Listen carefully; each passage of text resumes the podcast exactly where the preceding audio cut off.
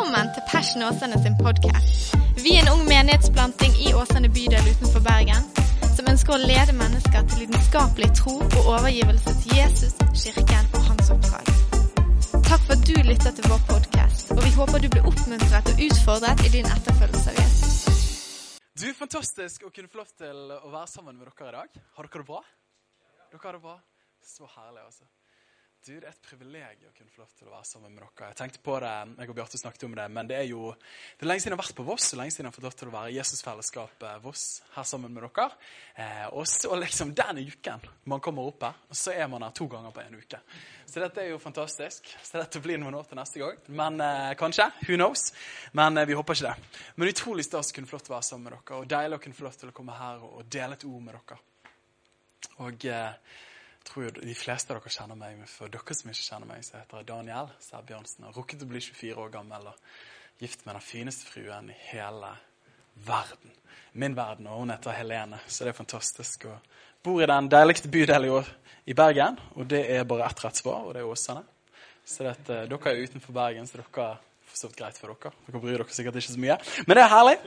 Eh, og Vi får lov til der, eh, vi kjenner på en drøm. Har tidligere vært ungdomsleder i Kristkirken og fått lov til å være med på mye spennende. Men vi kjente på en drøm, jeg og et par av mine venner, at vi kunne få lov til å plante en kirke i Åsane bydel, sånn som dere gjør her på Voss. Dere har litt lengre fartstid, eh, men det er mye det samme det går i. Og jeg sa det til Øystein på telefonen denne uken her, at plante kirke i Norway er ikke så glamorous as it is in United States of America, men det er utrolig givende og utrolig meningsfullt å kunne få lov til å bygge et hjem for mennesker som ennå ikke tror så mye, sånn at de kan få lov til å møte Jesus.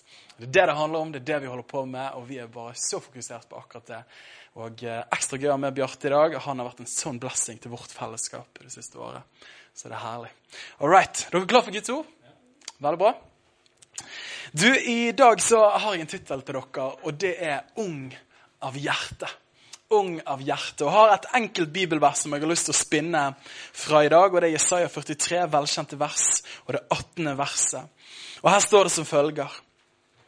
Jeg tror dette er et ord til dere som menighet, men ikke minst som enkeltpersoner. kjente jeg på eh, når jeg kom opp her. Dette er et ord jeg tror Gud har lyst til å tale til til dere som personer på ulike områder av livet og i menigheten som helhet. Og Her sier Jesaja han sier, husk ikke på de første ting. Tenk ikke på det som var før. Se! Åpne opp dine øyne.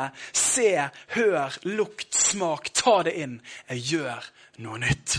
Nå skal det spire fram. Du har kanskje hørt om det før, du har kanskje drømt om det før, men nå, dette er tiden, og nå skal det spire fram. Skal dere ikke kjenne det? Spørsmålstegn.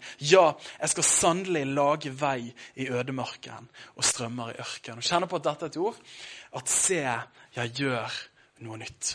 At Gud maler en ny begynnelse, at Gud skaper noe nytt i livene våre som fellesskap. Jeg har valgt å, å titulere det ja, med ung av hjertet. La oss ta og be sammen. Jesus, vi takker deg her for de øyeblikkene vi får lov til å dele over ditt hellige ord, Gud. Og takker deg for at det aldri er rutine. Det er aldri bare repriser med deg, Gud, men takk for at du alltid gjør noe nytt, Jesus. Og jeg ber deg, Hellige Ånd, for de øyeblikkene som vi deler nå, Gud. og Herre, mer enn at jeg får lov til å frase og formulere noen fine setninger, Gud, så ber jeg om at du ved din ånd, Herre, at du føder noe i vårt indre. At du taler noe på ulike områder der vi trenger å høre det. Og ber om at vi skal gå herfra i dag Herre, og kjenne at det er nytt håp, Herre. Det er ny visjon, det er ny tro. Og at du leder oss inn i nytt land, Jesus. I ditt mektige navn. Alle sammen sa? Amen. Herlig. Jeg liker jo litt sånn karismatisk eh, forkynnelse. Sånn vi er jo charismaniacs. Det er jo det vi er. Vi er jo blanding av det beste, så det er herlig.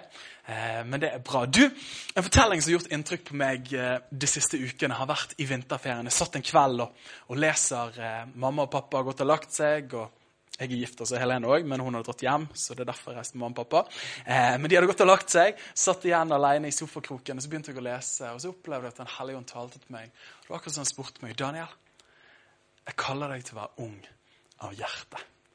Um, og det kan være at du ser på meg og så tenker du, Daniel 24 år, liksom. du er så vidt liksom, tørr bak ørene. Og jeg vet ikke om jeg er det engang. Men jeg tror man har opplevd såpass mye av livet, selv om man har rukket å bli 24 år. Og for dere som er her, man har opplevd så mye av livet at det er lett for at hjertet blir gammelt. Men Gud inviterer oss til å ha et ungt hjerte. Og Så kom jeg over en historie som eh, Henry Ford. og Det er en velkjent mann sikkert for flere av dere, men han som oppfant Ford Motor Company. I 1903 i Dearborn, Michigan, så starter han denne bilfabrikken.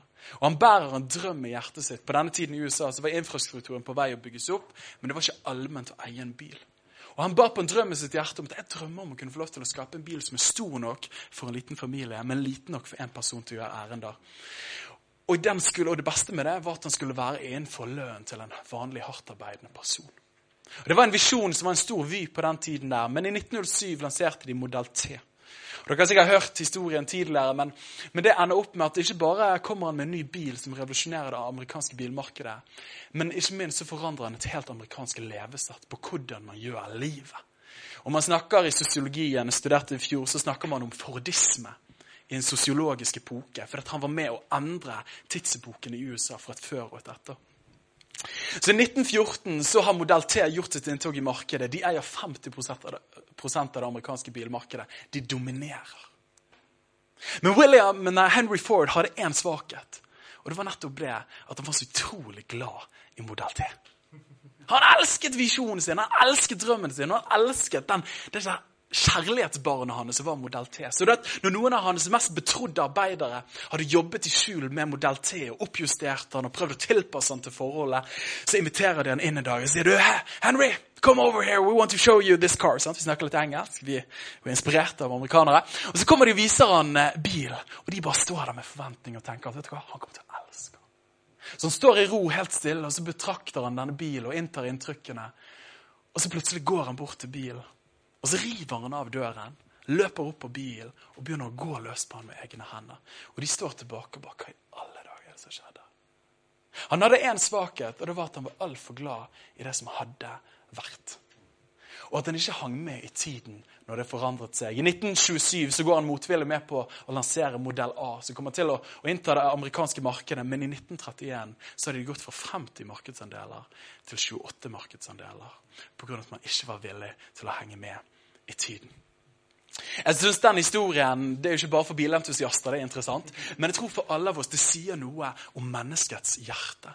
Og det sier noe om livene våre, at vi kan være på toppen av det Gud gjør i den ene tiden. Men idet det skjer noe nytt, så har vi blitt så fortrolige. Kanskje ikke med åndslivet i det vi var med på, men i uttrykksformen og innpakningen som var en del av. Så når Gud gjør noe nytt, så prøver vi å kjøre repriser. Eneste problem med repriser at Gud holder ikke på med det. Eh, så hvordan spørsmålet stiller, hvordan kan man være ung av hjerte gjennom hele livet? Hvordan kan man være ung av hjerte gjennom hele livet? Kjenner du for min del når vi planter menighet? Sant? Du tror du er cutting edge. Og vi er for, altså forholdsvis det ennå. Men etter hvert som man gjør ting ja, men jeg har lyst til å gjøre det på denne måten. Sånn har vi alltid gjort det. Altså, man, man, sorry, my friend, liksom.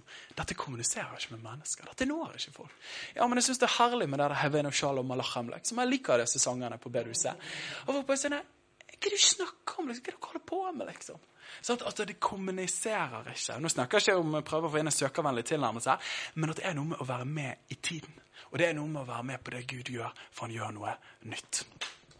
Den prisvinnende Nobel-forfatteren John Steinbeck sa det sånn som dette her. It is the nature of man as he grows older to protest against change. Particularly change for the better. Eh, og Det er presise ord, og det er smertefulle ord. Jeg tror ikke du trenger å være 50 år, men jeg tror du kan være 20 år og så sier du nei, barne-TV da jeg var liten, var mye bedre enn det det er nå. sant? Hvor banalt er ikke det? Vi liker det som har vært. Og så viser vi barna våre i dag det barne-TV vi så på. De er bare sånn, klart dere å se på dette her? liksom, Det er superkjedelig. Men sant, altså, vi bare henger tilbake, for det er det vi er fortrolig med. Det var en eh, smart fyr, John Maxwell, jeg liker han. Han sier noe utrolig mye bra. Og Han sier at vi misliker forandring så sterkt. og Nå skal jeg bare ramse opp et par grunner til hvorfor vi liker misliker forandring. Men jeg syns det var så treffende for min egen del. Det første er forandring. Vi kjemper det når det ikke er selvinitiert. Og Denne tror jeg særlig gjelder oss menn. Men har du opplevd det at noen kommer til deg og sier du, Amund, jeg tror det er bedre hvis du gjør det på den måten her. Og sånn at han er en hellig mann, så han har sikkert mykt hjerte. Men du vet, for min del Hvis du kommer og forteller meg Jeg tror det er bedre at du gjør det på den måten. da. Altså, Den måten du preker på, det er greit, liksom. Men få grep det hadde vært bedre. Og jeg bare, Hvem er du som kommer her og forteller meg dette? sant? Det er ikke det man sier, men det er det man tenker. Og så later du litt så du gjør det på den måten de viser, og så når de har gått, så gjør du det på akkurat den samme måten som du pleier å gjøre sant? Særlig oss menn, men vi ønsker at forandring skal være selvinitiert. Et problem med det er at som regel Gud kommer med nye ting, og han spør om vi har lyst til å være med på det. En andre ting er at eh, rutinen blir forstyrret. Altså, Vi må jo bare anerkjenne det. Uansett hvor mye vi lever i en senmoderne tilværelse og vi tror at vi er fresh og sporty og vi er liksom med på det siste nye, så elsker vi rutiner. Ta den morgenkaffen liksom fra Øystein. Og det er jo dårlig stemning, sant? Ikke sikkert, men samtidig det er noe med rutinen. Og forandring skaper frykt for det ukjente. Jeg har ikke lyst til å forandre meg, for det betyr jeg er nødt til å gå inn i noe der jeg ikke har vært før. Fordi vi er trygghetssøkende. Forandring skaper ikke minst frykt for nederlag.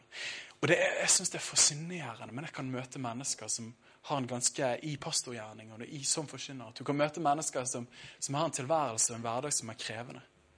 Og så inviterer du jo, men kan ikke du gjøre disse endringene. Kan ikke du slutte med det? Kan ikke du ta til deg dette? Så er det akkurat som man ikke er villig til det. Selv hvor miserabelt livet måtte være der man er. Men jeg har ikke vært i det andre, så jeg er ikke trygg på det. Selv om det er bedre. Vi mennesker er utrolig interessante.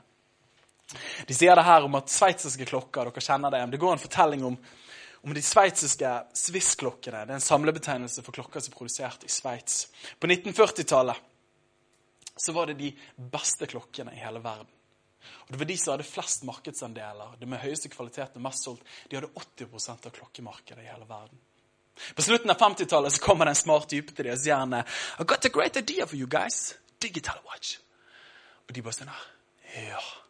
Fortell oss litt om det. Så forteller han at jeg har en god idé om digitalklokker. og Det er ikke visere lenger, men det, er tall. liksom, og går på batteri. Og det gjorde kanskje de gamle òg. Jeg vet ikke om de var liksom opptrekkbare. jeg vet ikke. Men de er de digitale. Og de bare sa tusen takk for rådet, men vi har noe godt gående her. Så han drar til Seigo, han. Det andre merket. Og så selger han ideen til de. Det er så fascinerende, da, det at eh, i 1940 så ansatte den sveitsiske klokke fabrikkene 80 000 ansatte. I dag så har de 18 000 ansatte. Og på den tiden der så hadde de 80% av markedsandelene. I dag så er 80 av klokkene som selges digitalklokker. Interessant. Det er noe med at folk vil heller og det, det er en som sa det så bra, at vi vil heller dø enn å forandre oss. Og det her vet du, jeg tror Gud har et ord til oss òg. Opplever at dette gjelder for oss, ikke minst òg. Albert Einstein, som liksom quotes som en av de smarteste fyrene, han sier at insanity, galskap, hva er det for noe? Jo, han sier at galskap doing the same thing over and over again and expecting different results. Interessant. Nei, men du, det må jo En dag så må jo det bare forandre seg. En dag så må jo det bare skje. liksom. Jeg snakker ikke om trofast arbeid, for jeg tror Gud kaller seg til å bygge stein på stein på stein. Men de gangene at Gud har gått videre, men jeg står igjen på perrongen Jeg kjenner meg igjen i mitt liv, men jeg tror det òg for våre liv òg. Hva er det Gud gjør i våre liv? Hva er det som er nytt? Hva er det han holder på med? Jeg lurer på det. Og eh, godeste Larry Randolph, en kjent profetestemme i USA, han sa det sånn som dette at uh, You have the choice to become a monument in the past or a movement in the future. Og alt etter hvilken tilnærmelse og valg vi tar. Og som jeg nevnte innledningsvis, så tror jeg Øystein sa det at eh, vi kjenner hverandre kanskje helt tilbake fra jeg var 13-14 år. Det tror jeg kan stemme. 10-11 år siden. Det er ganske lenge siden. Jeg føler jeg har vært med på mye i Kristen Norge fra den tid.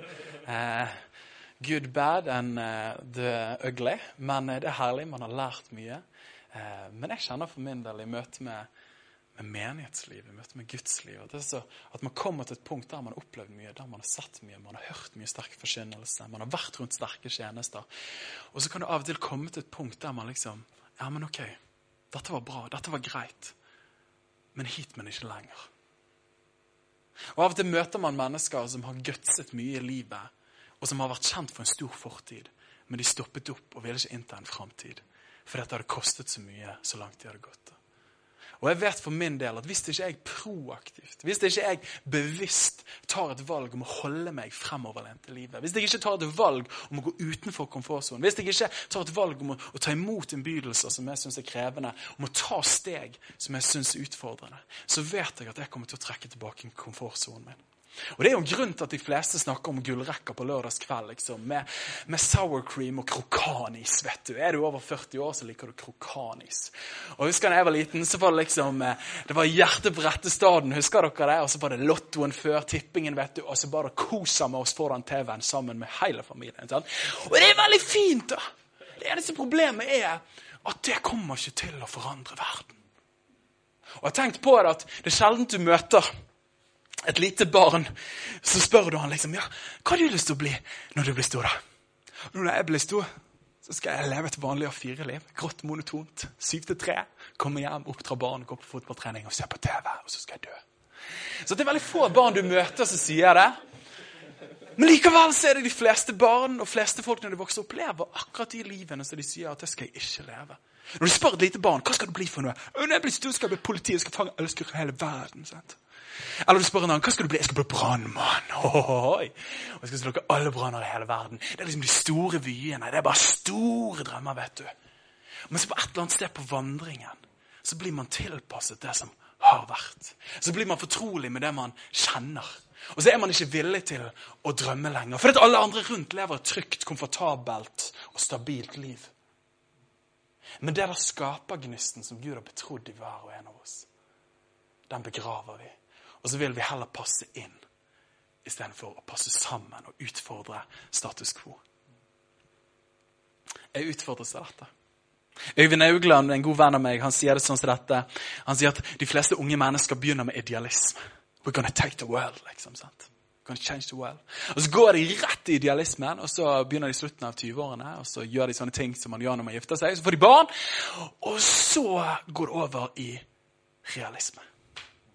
Og så møter de store drømmene møter en kald virkelighet og en asfalt som er alt annet enn det man så for seg når man var på bibelskole. Og så er det bare Gud, hvor er du hen?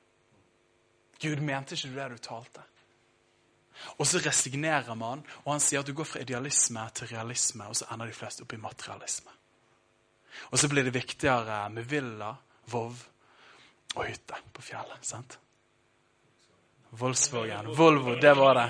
Volvo, Villa og Voff. Glemte den siste V-en der.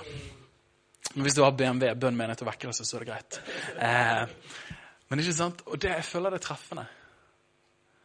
Og jeg vet, jeg tror for alle av oss her, sant?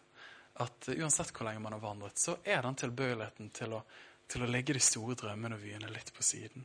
Det lidenskapelige forholdet til Jesus. Ja, ja, det er greit at vi drømmer om noe stort, men jeg kan jo ha min andaktshund hver dag. Jeg kan jo være i Guds ord, jeg kan jo bli styrket. Men kanskje jeg orker ikke leve i det spennet mellom drøm og virkelighet lenger. Så jeg tar heller begraven, og så passer jeg inn, og så har jeg det fint. Um, og Dette tror jeg er et ord til oss alle. Men jeg opplever det. Jeg tror at det vi er kalt til å leve i, er en trosfylt realisme. Ikke en sånn her, en trosfylt realisme. Ikke en sånn ren idealisme som er bare helt livsfornektende. og bare sånn her, Everything is great, liksom. Confess and possess. It's gonna be amazing. Nei, men barna gråter. Nei, nei, nei, det kommer til å bli bra. liksom. Nei, Vi skal anerkjenne sånn som ting er, men med tro. Og Det er veldig fint med Gud, vet du, sant? at Gud er i virkeligheten. Gud er i de faktiske forhold, ikke de ønskelige forhold. Han er akkurat her. Han er akkurat nå. Han er i det katolske, eh, kat, kaotiske, ikke katolske barneoppdragelsen. Han er kanskje der òg. Håper det. Håper det. De trenger det. De tror ikke på prevensjon. Men, men Gud er til stede i hverdagen. Men samtidig, han er i de faktiske forhold, men inviterer oss inn i framtiden likevel. Gud kaller oss inn i det ukjente. Gud gjør noe nytt. Og En vis mann han sa det sånn som dette her. Han sier det at your living is determined not so much by what life brings to you, as by the attitude that you bring to life. Og Jeg finner det for mitt liv at det er veldig sant. At mennesker kan ha det akkurat samme utgangspunktet.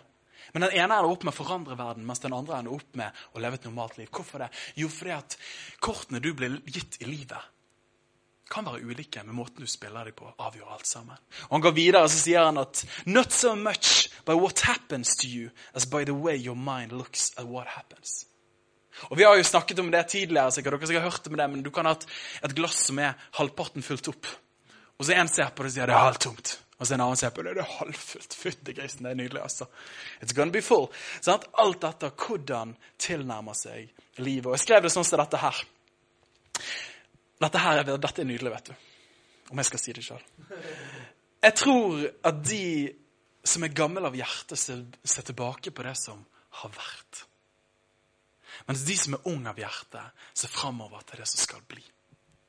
At den unge ånd er progressiv, progressiv og banebrytende, mens den gamle ånd er passiv og bevarende. Og den ene glemmes i folk sine hjerter, mens den andre vil gjemmes i folk sine hjerter, for de var med å forme framtiden. En gammel ånd er en som har fått nok, og som er fornøyd med sin forståelse, fortolkning og kategorisering av virkeligheten. Jeg syns det er greit sånn som dette er. Jeg føler meg trygg innenfor disse rammene. Jeg er fortrolig med dette. Ja, kanskje noen andre kan få lov til å pionere noe. Kanskje noen andre kan få lov til å gjøre noe. Men livet er fint. Jeg har fått leilighet på Gran Canaria, og jeg skal ned der og nyte de gode siste dagene. sent. Vi kjenner tidsåren. Ikke utfordre status quo, bare pass inn. Men det er ikke de folkene som gjemmes i folks hjerter. Det er ikke de folkene som ender opp med å skape en bedre morgendag for de andre. Jeg tror Gud kaller oss til akkurat det. Og sånn som jeg sa, hva er det med barn? Jo, barn de lever med et åpent, inntagende sinn. Tar inn det som skjer, og de prøver ut nye ting. Mens når man blir eldre, så resignerer man til det kjente og det trygge. Oi, oi, oi, oi. Det er bra, det. Ja, det utfordrer oss. Og Jeg har skrevet det her. Ikke, dette er så treffende, vet du. Og dette kan være et formaningsord til enhver og en av oss. Ikke bare kan vi bli gammel av hjertet i eget liv, men ikke minst i menighetsliv. Hvor man i en årrekke kanskje har hatt Vi har denne kulturkrigen, har dere hørt om den? I menighetsliv så snakker vi om kulturkrigen. Og i USA så snakker, snakker de om worship wars. Sant? Liksom, noen kommer på kirken, så er det bare 'Jeg har lyst til å ha evangelietoner'. Gi meg evangelietoner, gi meg navnet Jesus. Så kommer ungdommen vi har lyst på Hillsong, Young and Free. liksom. Og det er bare sånn at Vi kan ikke feire kirke sammen. Det går ikke. Sant? Og så har du disse spenningene og disse kulturkrigene. Og så er det et eller annet med, Jeg husker Håvard fortalte en gang at han hadde vært Håvard Berger, pastor Kristkirken, og sa til meg Daniel, jeg var på en predikantkonferanse en gang, og så var liksom spørsmålet som ble stilt, da, det var hvordan kan vi få vekkelsen tilbake i nasjonen? Så var det en av de gamle høvdingene, åndshøvdingene som reiste seg. og Hvis du husker det rett, så sa han noe sånt til dette at, at vi trenger å få tilbake orgelet. Og da vet du bare OK! Vi er på to forskjellige sider. Sånn Vi bare trenger å få tilbake orgelet og de sterke sangene. vet du. Så kommer ungdommen tilbake igjen. liksom. Og det var kjære, gode Jesus, gi oss nåde. Men det er interessant, da. For det at vel om vi er yngre, så kjenner jo jeg at når ungdommene kommer i dag og hører på det de hører på, liksom Jeg bare tenker hvor er substansen i tekstene? sant? Det er så mye teknotoner og synt. Synt kan jo oversettes med synd, liksom. sant? Og så får du alle de tilnærmingene der.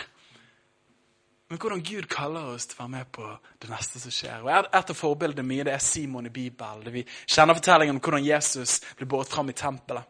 Og Så kommer Maria og Josef der, og så, og så Simon er der. Og han har opplevd at Gud sa til ham at han ikke skulle dø før han hadde fått se Israels trøst. Og Så kommer Maria og Josef der og undret meg flere ganger i møte med denne fortellingen. De kommer med et lite barn, og så går han bort og så begynner han å tilbe Gud og sier han, Herre, nå kan du forløse din tjener i fred. Jeg bare sånn, Hva for noe?! Det var jo bare et lite barn, liksom! Det var jo ikke noe Messias som vibba der, liksom. Det var jo ikke sånn at det var liksom bare en glorie rundt han. Og bare sånn This is the one, liksom. Nei, nei, nei.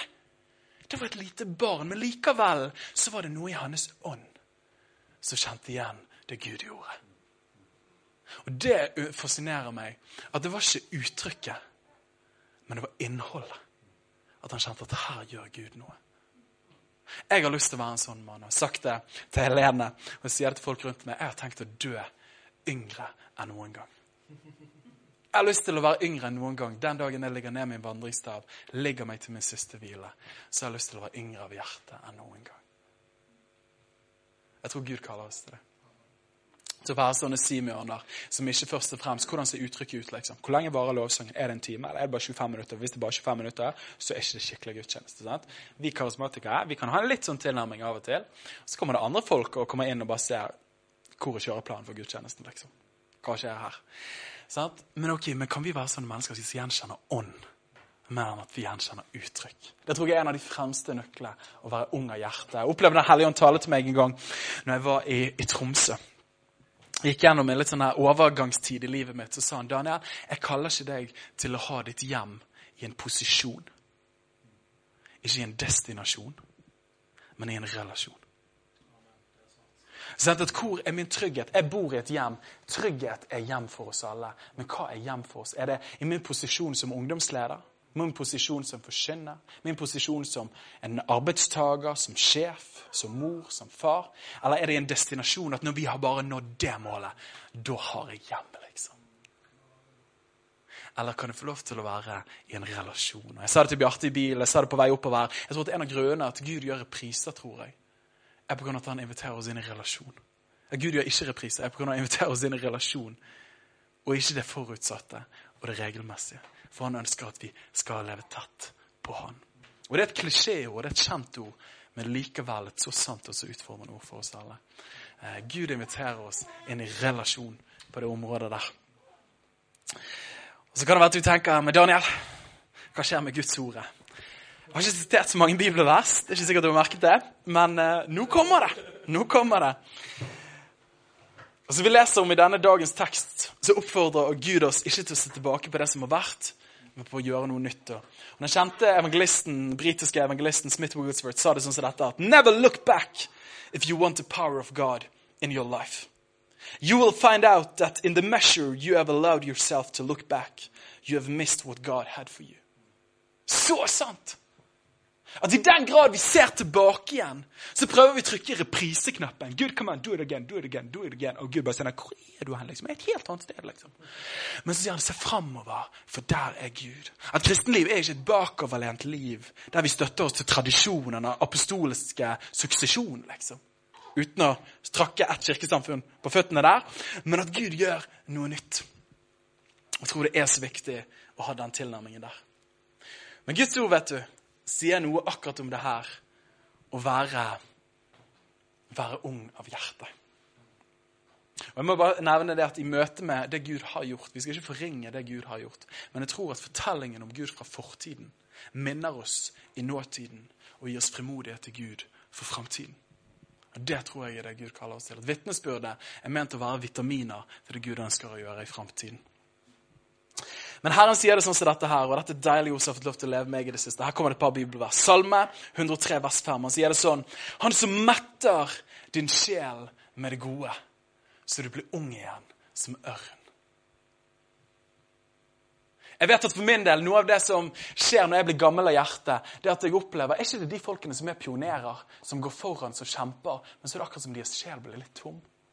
Og så merker man at jeg har ikke mer å gi.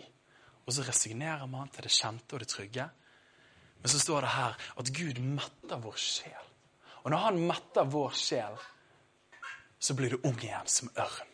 Det er det Gud kaller oss til å gjøre. Gud metter oss med det som er godt, det, så vi igjen kan drømme stort. Og ingen kan løpe et løp uten å ha vitaminer i sin kropp.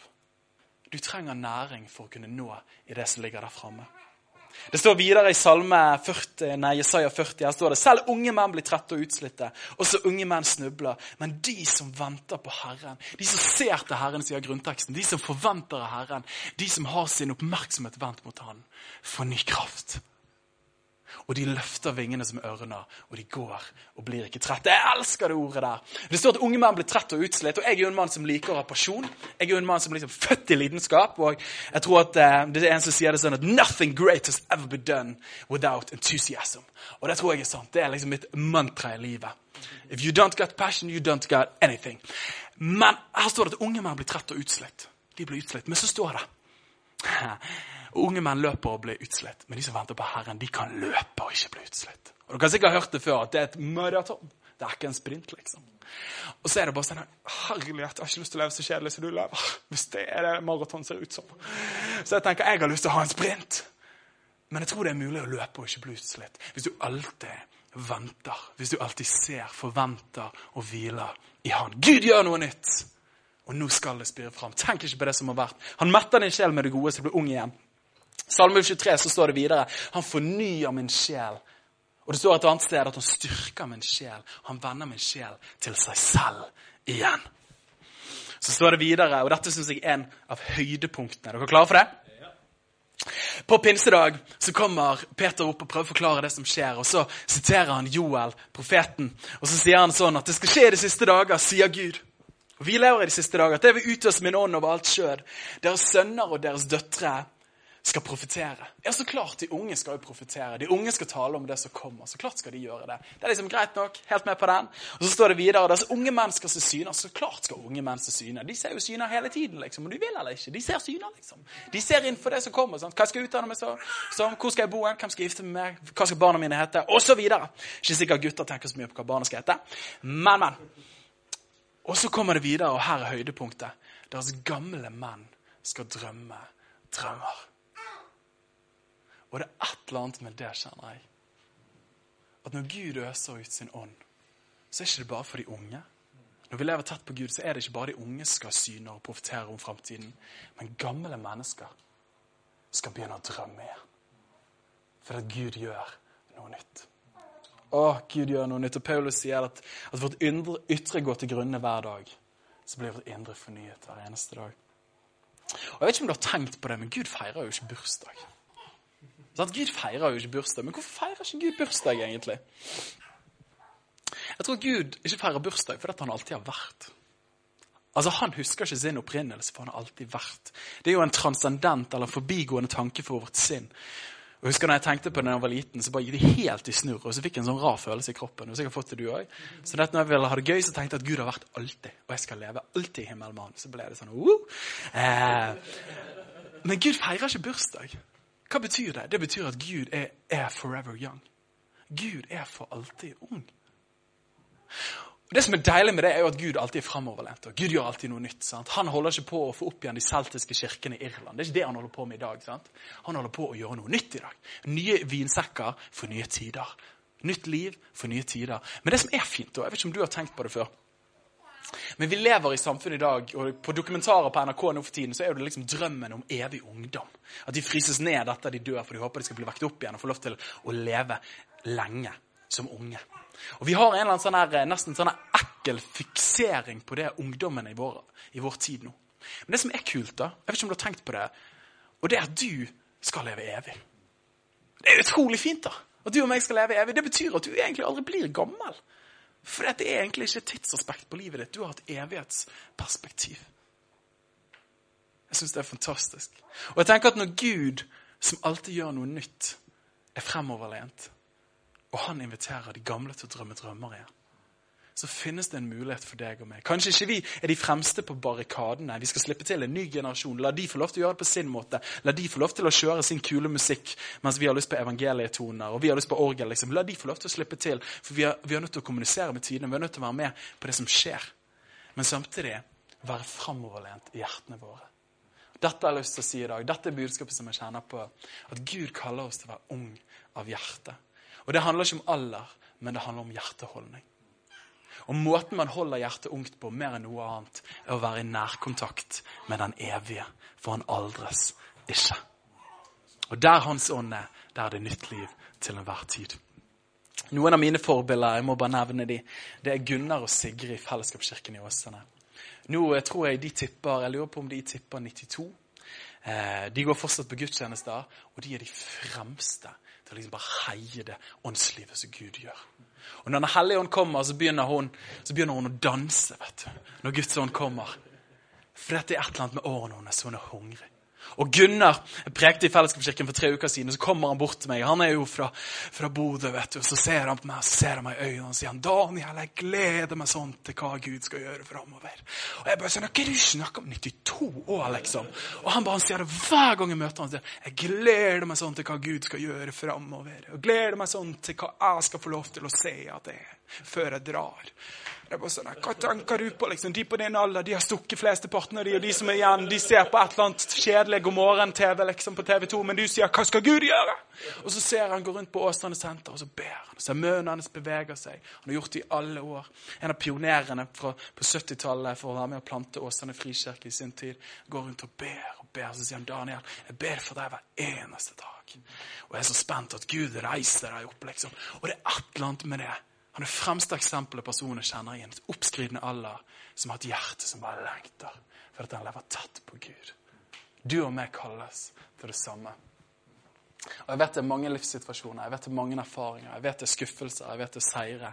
Men selv i alt det så tror jeg aldri svaret er å lene seg tilbake, resignere og si 'hit, men ikke lenger', for at Gud går videre. La oss ikke dyrke skygger av der Gud en gang var, men la oss trekke nær substansen der Gud er i dag. Jesus, nå skal vi ta og be sammen til slutt. Herre Jesus, vi takker deg. Hellige Ånd, for dette ordet her. for. Herre, takker deg for at du er den evige Gud, som ikke blir trett, her, som ikke blir utslitt, som ikke er lei, her, som ikke er oppgitt, som ikke har sagt at hit, men ikke lenger. Gud, jeg takker deg for at du er den Gud som skaper liv ut av det døde. her. Takk for at du er den Gud her som løfter opp det som har ligget nede. Takk for at du er den Gud som taler håp der håp har svunnet hen, Herre. Takk for at du er den Gud som gir styrke der skuffelser har malt så store skygger over livet, over drømmene. Og der vi begynte med idealisme og endte opp i en eller annen realisme og en eller annen livsfornektelse og sa hit, men ikke lenger. Gud, jeg ber deg, Hellige Ånd for hver og en av oss i dette rommet her. Herre, for Jesusfellesskapet vårt, Herre. Herre, for oss som enkeltpersoner på ulike områder av livet her, der vi har sagt jeg orker ikke å kjempe lenger, jeg orker ikke å gå lenger, jeg orker ikke å stå på barrikadene. Jesus, takker deg for at du skaper nytt liv, Herre. Takk for at du gjør noe nytt, Herre. Og Gud, du ser at vi er redd for å trå ut av og til, men jeg ber deg, her, sånn som du sier, Herre, se. Jeg ber om at vi skal få lov til å se det, sånn at vi føler oss trygge på å gå ut, Jesus. Og Herre, du ser òg de stedene der vi har vår trygghet i posisjoner og i destinasjoner. Jeg ber om at du tar alle våre kilder skal være i deg, Gud. Herre, at vårt hjem er en relasjon, Herre. Er som barn, er som tilhørende deg. I ditt mektige navn, Herre. Og vi bare tror, og vi bare proklamerer over våre liv at det beste ligger foran. Det beste ligger foran. De største tingene ligger foran. De største gjennombruddene personlig, i livet, i familien, i arbeid og i tjeneste ligger foran. Og Det tror vi, og det bekjenner vi, og det går vi for. I Jesu navn, alle sammen sa Amen. Takk for at du lyttet til Passion Åsane sin podkast. Hvis budskapet inspirerte deg, del det gjerne videre, slik at enda flere kan bli styrket av Guds ord. Gud har en plan for ditt liv. Følg Jesus lidenskapelig og bety en forskjell for mennesker i din verden.